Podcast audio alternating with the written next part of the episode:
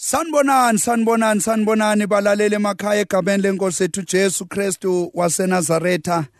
Eh ngaze ngajabula Nkosi yami namhlanje ntambama ukuhlanganyela nani kulolu hlelo olunamandla kangaka radio pulpit 657 AM egameni lenkosi ethu Jesu Kristu. Lalela kusase yimi umfundisi umoyo weChrist Family Assembly egameni lenkosi ethu Jesu Kristu.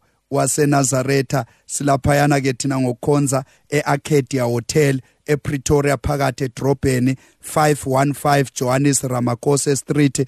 Uma ufika nje uthi ufuna umfundisi umoyo weChrist Family Assembly. Inkonzo yethu qala ke ekseni ngo9 until ngo12 emini. Yathandazela ke after 12 uNkulunkulu wenza imangaliso ngibeka abantu izandla bayaphila abantu bayakhululeka abantu bathola imisebenzi abantu. Hey ziyenzeka izinto egameni lika Jesu Kristu. Amandla nje umthandazo amandla kaMoya ingcwele egameni lika Jesu Kristu waseNazaretha. Sibingelele kubo bonke abasilalele namhlanje ntambama egameni lika Jesu Kristu waseNazaretha. Sibonge futhi eh leli thuba esiphinde salithola njalo lithi iBhayibheli this is the day that the Lord has made for us to rejoice and be glad in it. Nalo usuku olwenziwe inkosi ukuba ngalo sijabule sithokoze. Kanti lalela ngikukhumbuze ngiyakukhumbuza ke mina. Eh kusasa iSunday hambe esontweni. Ungavilaphi hamba esontweni. Hamba esontweni lakho egameni lika Jesu hamba esontweni lakho. Hamba kumfundisi wakho egameni lika Jesu umfundisi ngiyakholwa nje kumanje ingceku zihlomile ngamavesi zilindele wena. Egameni lika Jesu kumele uunderstand ukuthi njengoba sishumayela izwi kanje asibizelwanga thina sibizelwe wena egameni lika Jesu Kristo waseNazaretha. Lalela nasi statement usibambe lesi usibambisise.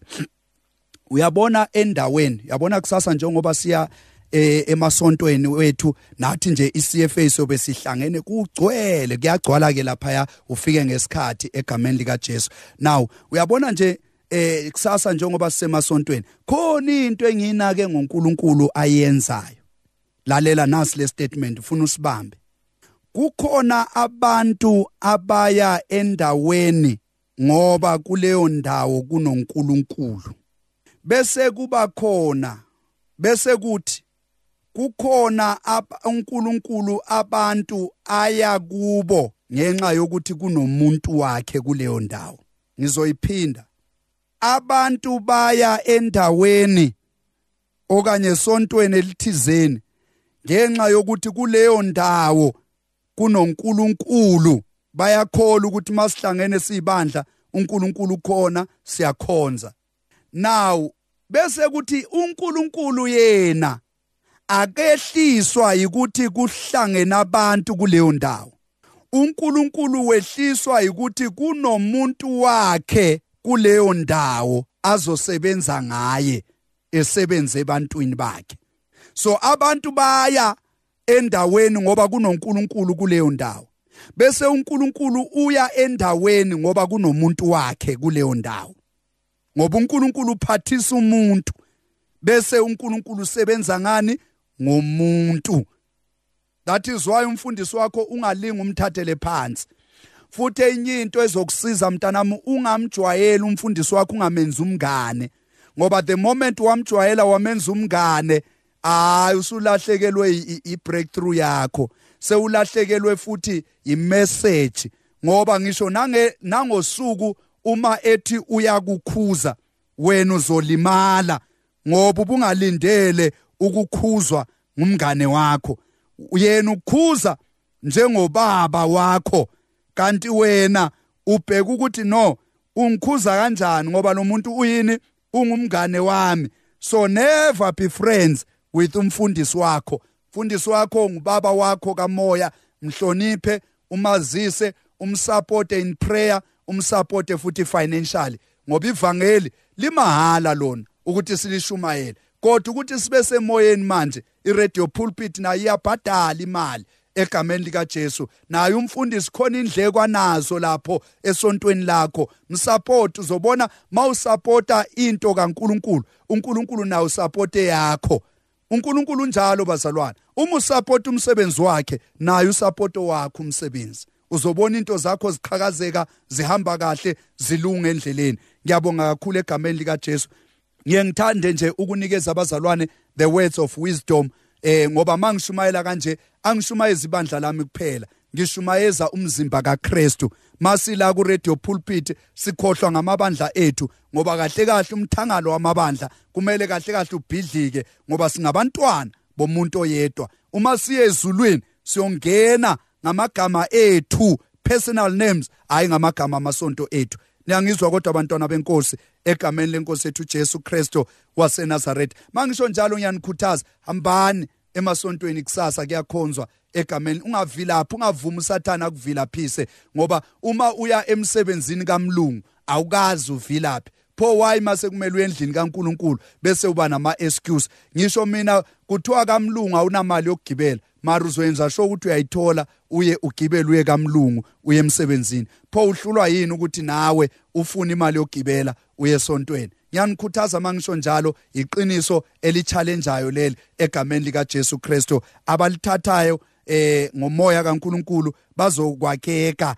bazokwakheka bazokwakheka ya bazokwakheka bakhule ekumazini uNkulunkulu egameni likaJesu Kristu. Lalela siyaqhubeka phela ngendaba yethu le ekade sikuyo last week indaba eh yalentombazana eyasiza uNahamani. Eh 2 Kings chapter 5 eh sizoyifunda ku verse 14 nje sivale lapha. Lithi iBhayibheli 2 Kings chapter 5 amakhosi esibili chapter 5 verse 14 lithi iBhayibheli wayesehla wazicwilisa kasikhombisa eJordan njengokusho komuntu kaNkuluNkulu. Inyama yakhe yabuya yaba njengenyama yomntwana omncane wahlambuluka. Now uzokhumbula last week besifunda ngendaba yendoda igama layo nguNahaman indoda kade inesikhundla esiphezulu indoda kade iyisosha ibutho iqhawe lempi indoda esingezwa ngehistory yokwehluleka kwayo kodwa sizwa ngehistory eh yokunqoba kwayo ezimpini. Indoda kade siketula amakhosi amaningi yandisa isizwe sika Syria kuyo.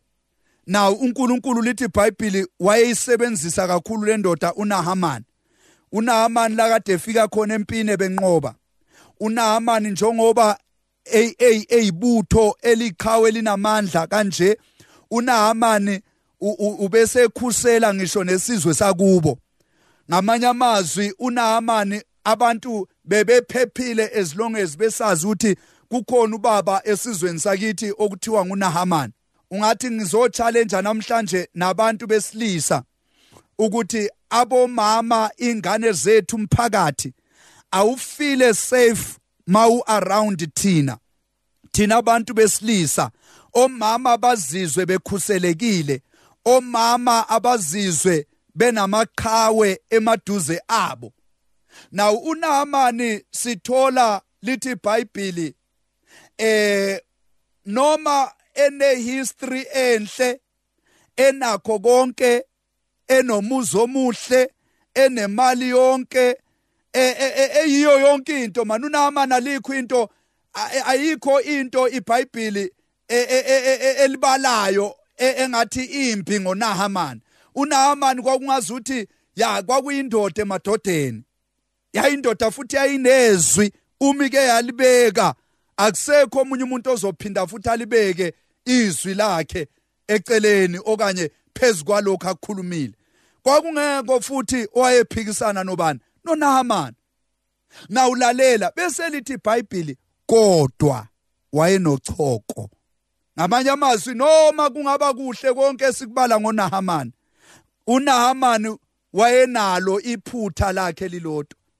Wayene weakness yakhe yodwa. Wayenochoko lwakhe naye olwalusenza ukuthi abantu noma sebekhumbule ngezinto ezinhle zonke azenzile kodwa kube khona lento ethi hey kodwa ngoba uNaaman lithi iBhayibheli wayenochoko. Nayo nje into eyodwa evela iphumele eceleni nguNahaman ukuthi uNahaman wayene-leprosi. And uzokhumbula kahle ukuthi leprosi lokha emandulo abantu ababephethwe yileso sifo leso inyama yabo yayihlephuka behamba inyama yabo yayiziwela yona yodwa. Umuntu wayenochoko wayengahlaliswa kahle kahle eduze nabanye abantu ngoba uchoko lwalucontagious lwaluthelelwana. Kodwa uNahamani noma wayenochoko kodwa wayeyindoda yempi wayeyindoda eyayinonkosikazi wayeyindoda eyayihlelekile kodwa wayenochoko. Khona abantu abanjalo empilweni. Kunalento eyodwa nje. Abantu abathi nabekhumbula ngayo ngawe bavele badikibale bavele bayehlumoya bavele baphelelwe ngamandla. Lalela bese lithi iBhayibheli uma bebuya empini kwaMoabi from the Moabite war lithi iBhayibheli bayinqoba leyo mpi babathumba abantu baseMoabi lithi iBhayibheli sebebathumbile kwakukhona phakathi kwabo intombazana encane. Eyathathwa yayohlaliswa endlini kaNahamani kuze igade unkosikazi kaNahamani ibe umaid wenkosikazi kaNahaman ibe yicleaner yenkosikazi kaNahaman ibe ngumsizi kankosikazi kaNahaman now lo mntwana lo lithi iBhayibheli wathi nayebuka icondition ngoba uchoko was was conditional. Wathi nayebuka icondition kaNahaman isimo sikaNahaman wakhumbula ukuthi esizweni saseSamaria kukhona umprofeti kukhona umuntu kaNkuluNkulu kukhona indoda ekhuluma kube kanye bese kwenzeka izinto. Wasethi kuye unkosikazi ka kaNahaman lalela mama kukhona mina ubaba engimaziyo. Ongakwazi ukuthi asize inkosi yami. Uma ngabe nje singamusa ubaba siye khona kuye umprofeti siyokhuluma nomuntu kaNkuluNkulu mina ngiyakholwa ukuthi lesifo singanyamalala. Lithi iBhayibheli kusenjalo bavumela phezulu kwabhalwa incwadi inkosi yaseAsiria yabhalela inkosi yakwaIsrayeli. Yathi nangu uNahamani ngimletha lapho kuwe. Akumsize. Nawu lithi iBhayibheli inkosi yakwaIsrayeli yacabanga ukuthi no lo muntu wenza ihlaya kahle kahle njengoba ethumela uNahamani. uNahamani wayesesatshwa bakithi. Wayitshela ukuthi no njengoba ethumela uNahamani kahle kahle this is a trojan horse principle. Kahle kahle lo muntu usifakela ugibe usithile kahle kahle. Ukuthi uma uNahamani engena la siyamazi uNahamani uyobhubhisa kwasani la. Yaseyithi lenkosi ngabe lo muntu uzama ukuphemba umlilo wempi na? Kanti ayikhona eqinisweni inkosi yaseAsiria yayibhala incwadi ifuna vele usizo. Lithi iBhayibheli umuntu kaNkuluNkulu waseyibamba indaba emoyeni. Ukuthi kukhona abantu abafike nencwadi badinga usizo. Wasethi umuntu kaNkuluNkulu enkosini khululekani myekeni aze kimi ngizomsiza. Lithi iBhayibheli kusasenjalo uNahaman esasendleleni yokuthi azosizakala. Lithi iBhayibheli umprofeti wathumela inceku yakhe wathumela izwi. Wathi lalelani nimtshela ukuthi angezi la. Akaye eJordan. Uma efika lapho akazicwilise kasikhombisa. Uzothi mayephuma lapho uzophuma eseclean uchoko selunyamalele. Hey indoda yadikibala yalimala emoyeni. Walimala emoyeni uNahamani ukuthi kanjani? Ngoba mina bengicabanga ukuthi umprofeti uzophuma azohlangabezana na? Phela mina ngumuntu omkhulu. Kwavuka ipride kuNahamani. Uyabona ipride iyona yenza ukuthi abantu bangasizakali? Uthi noma ufuna usizo ebantwini kodwa ufuna ukuphakamela abantu ocela kuba usizo hey bazalwane balalela emakhaya. Umuntu ozehlisayo lithi iBhayibheli uyophakanyiswa. Kodwa lo ozikhukhumezayo oyi-self raising lo oziphakamisayo lithi ibhayibhili uyokwehliswa. Ngizokhalimela umoya wepride. Noma uNkulunkulu esekuphakamisa kangakanani ungavukwa umoya kaNahamani. Ucabanga ukuthi wena akekho umuntu ongakusiza ngoba wena uyiqhawe nawe unochoko lwakho. Wonke umuntu ophila la emhlabeni unochoko lwakhe. Njengoba sisemasontweni kanje ngama-sunday umunye nomunye unochoko lwakhe. Isonto lifana nechibi lasebethesda elithi ibhayibhili abantu babehlangene beney'nkinga ey'hlukahlukene. Abantu babehlangene benama-challenge ahlukahlukeneyo abanye babegula kukhona abanganamehlo kukhona abanochoko kukhona abavuza igazi kukhona abayizishosha kukhona abasangena abaphambene ngokwengqondo. Hey ichibi lasebethesda laligcwele iy'nhlobonhlobo zabantu. That is why masiye emasontweni sifana nabantu abasechibini. Uma ufuna usizo uyazehlisa. Kuze ukwazi ukuthi uthole usizo. Ngisho noma ungaphakama kangakanani noma ungaba nayo imali kodwa uyaludinga usizo lukamoya noma ngabe kuthiwa unayo imali kodwa nawe uyamdinga lo nayo imali kuze asizane nawe. Ngamanye amazwi it is a balance lento siyadingana empilweni. Onemali udinga onganamali. Onamali udinga onemali kuze sibhalanse kulomhlaba esiphila kuwo. uNaamani wavukwa ngumoya wepride. Wathi musibe ngicabanga ukuthi le nceku kaNkuluNkulu enikhuluma ngayo izophuma izohlangabezana nami. Izophuma ne-entourage yayo. Bangamkele kahle phela njengesikhulu. Bengicabanga ukuthi futhi uzobiza igama likaNkuluNkulu wakhe okanye phela ngithinte bese kuyanyamalala lokho kungiphethe. Kanti hayi khona izinto zikaNkuluNkulu. Yebazalwane uma sesike sakhuluma sayirelease prophetic instruction. Sathi wena in 2 weeks time uzowuthola umsebenzi. Sathi wena next year by this time wena oyinyumba uzobe usuphethe umntanakho. Sathi wena next year by this time uyobe usuyimultimillionaire ungabuzi ukuthi kuzokwenzeka kanjani ngoba into esiyikhulumayo kungenzeka ingenzi sense kuwe ngenxa yecondition okuyo ngenxa yesimo kuso. Wena thatha lokho esikushoyo uthathe uzobona uNkulunkulu ekwenzela isimangaliso. Lithi iBhayibheli iy'nceku zikanahamani zahlakanipha zambizela ekukhoneni zathi baba nduna siyakuhlonipha mphathi wethu kodwa this time sivumele nathi sike sikhulume.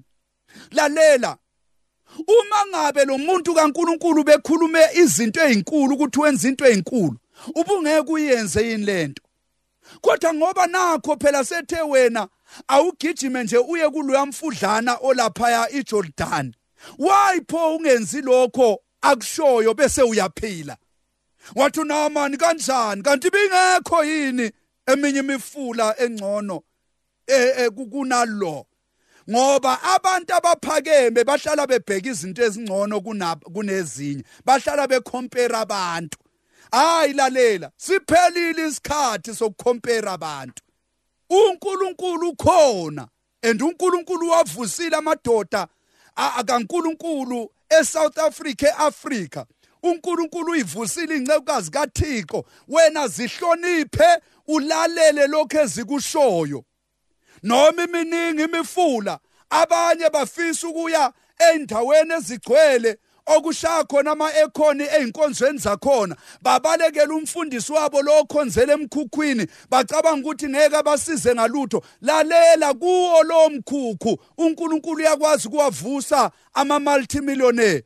Lithi ibhayibhili bake bathi abanye benyatha ujesu bathi ibingekho yini? Bathi kungaphumani la eNazaretha? Khona yini into engasivele la eNazaretha? Ngaleso sikhathi banyatha uJesu inkosi yamakhosi. Kanti uNkulunkulu khona lapha eNazaretha kulazovusa khona into ezonyakazisa umhlaba wonke. Namhlanje sishumayela ivangeli kanje. Sibanjwe yinto yasemazulwini eyenzeka over 2000 years ago. Kungakacatshangela ukuthi nathi singabe singase sizalwe sibe khona. Kodwa namhlanje sishumayela ngaye lo Jesu owazalwa kuphi endaweni edelelekile kuphi eNazaretha? Uthi uNaamani udelela iJordan uthi bingekho yini eminye imifula? Ungathi ngezwe kulesi sizwe ebengekho yini amanye amasonto. Bebengekho yini abanye abafundisi? Bebengekho yini abengekho yini amanye amakhampani? Lalela leyo company ekuqhashile manje ungayibukeli phansi. Lithi iBhayibheli do not despise humble beginnings. Out of them comes huge things. Ungayibukeli phansi lento iqala kancane. uNkulunkulu uzoyiphakamisa ayenze ibe enkulu igcwala isabala lumhlaba wonke. Egameni lenkosi yethu Jesu Kristo waseNazaretha. Lithi iBhayibheli lamadoda amncenga umphathi wayo athi nahamani siyakuncenga baba. Hamba uyozicwilisa lapha ungathi ngiyabona indoda iyongena eJordan. Bathi wathi ethi kanye ungathi ngiyambona ephakama okwesibili ecwila okwesithathu ecwila okwesi4 ecwila. Ungathi ngiyambona esula amanzi ebusweni bakhe athi kuyafana musilento isasekhona lalela asithandazi kanye bese kwenzeka izinto. Sometimes siyaqhubeka siloke sithandaze njalo uNkulunkulu azaphendule. Bakwathi omunye consistency will yield results. Uma into oyenza njalo njalo uyenza ungakhathali. That thing is bound to come back with positive results. Iyenze lento abanye bathi sesikhathele thina kuye emasontweni njalo njalo ngoba yikho lento akwenzeki lutho. Masifika khona basicela izimali masifika khona bathi asizile ukudla masifika khona bathi asihlabelele mara masibuyele emuva ayikho into eyenzakele. Siloke siyafana lolu choko lwezikolodo lusahleli lolu choko lwendlala lusasekhona lolu choko lokungazwani la ekhaya lusasekhona. Lalela! Kungenzeka sucwile kayi4 phindela! Kayi5 phindela! Kayi6 phindela! Kayisikhombisa!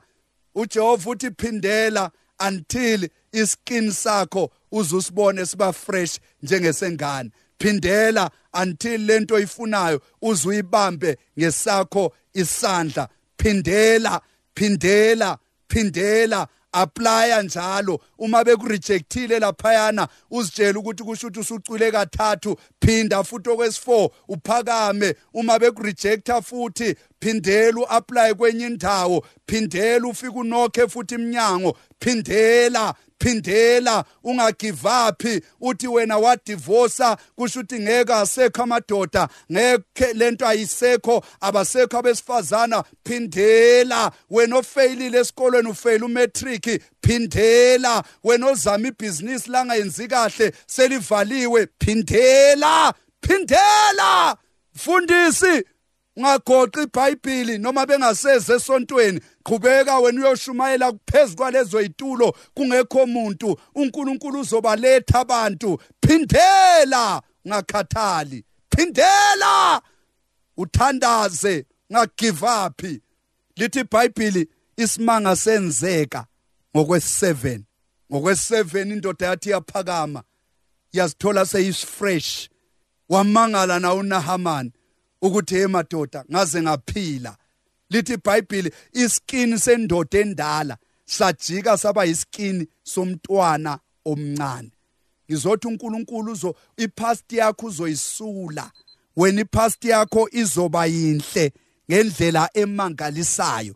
Ungabi nandaba ngamabala nochoko oke waba nalo lwaziwa ngabantu khohlwa wena uma thina sesikhulumile phezulu kwempilo yakho njengabafundisi njengabaprofeti abavuswe uNkulunkulu kulezi insuku zokugcina simemezela ukubuya kukaJesu ukuthi uJesu uyabuya. Bazalwane thandanani bazalwane khulekani bazalwane hlanganyelani ningagive up inkosi ikhona maduze iyeza. Lalela wena lalela lento esikutshela yona. Uma ungathatha nje i-instruction yesiprofeto noma ibuhlungu kangakanani ungathi ngiyabona uNahaman into yayimbambile ukuthi manje ngiyophindela kuze kube kayisikhombisa lento iyakhathazana yebazalwane ungakhathala. Yikho into eyake yafika kalula empilweni yomuntu. Hamba uyobabuza nalabo sebephumelele. Bazokutshela ukuthi badlule kuphi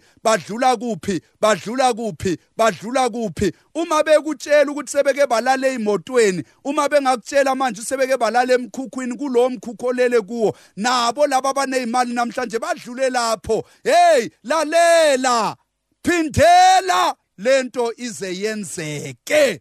Buyela esikolweni ufeyilile. Buyela uyozuphase uNahaman wabeka ipride eceleni waphindela wenza lokho okusiwo ngumuntu kaNkuluNkulu. Ngiyathandaza egameni lika Jesu Kristu ukuthi mase kuvuka umoya wepride empilweni yakho abanye ipride yabo izinto abazithola enkonzweni namhlanje sibakhipha enkonzweni. Abasaye enkonzweni sebegcwele emathaveni sebegcwele endaweni sebeyobonga kwezinye indawo zobumnyama. Lalela phindela la wayithola khona lento. Phindela eJeswini phindela kuJesu phindela. Ufane nendodana yolahleko uthi ngiyophindela ekhaya ngiyobuyela ekhaya. Nami ngamane ngiyeba ngomunye wezisebenzi zikababa ngidle kahle ngoba la kuJesu sidla kahle mntana sekhaya siyaphila la noma ama challenges ekhona kodwa uNkulunkulu uyasithwala ngoba bakhe uyabathwala futhi abakhe uyabahola endleleni. Hayi man uyabathwala bakhe futhi uyabahola endleleni. Uyabathwala uNkulunkulu abakhe uzokuthwala nawe. Yithi uNkulunkulu akakuthwale man uNkulunkulu akakuthwale usaphindela kunikeza amandla okuthi uphindele egameni lika Jesu kodwa ungamkhohlwa untombazana lo owasiza uNahaman wayedelelekile. Usendleleni yempumelelo ungamnyathi umuntu omthola endleleni. Nguye ongakulayela ukuthi lelo office olifunayo likuphi. Nguye ongakulayela ukuthi lo mfundisi omdingayo ukuphi.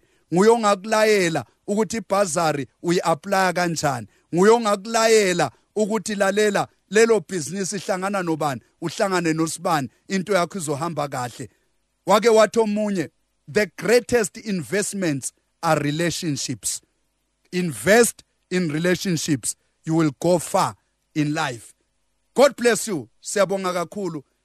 Balalele emakhaya. Inkosi yomusa ayinibusise. Egameni lika Jesu siphinde sihlangane futhi la ku radio pulpit every saturday ngo9 fundisa umoyo ngikhona ngiyashumayela egameni lika Jesu Kristu. Kanti ngama Sundays ngiyatholakala eArcadia Hotel ePretoria number 515 Johannes Ramakose Street egameni lika Jesu siqala inkonzo yethu ke ngo9 ekseni fika ngizokuthandazela. Uchoko olukuphethe lunganyamalala. Angazi yini uchoko lwakho? Kodwa uNkulunkulu ukhona futhi uyabathwala abakhe. Uyabahola endleleni. God bless you.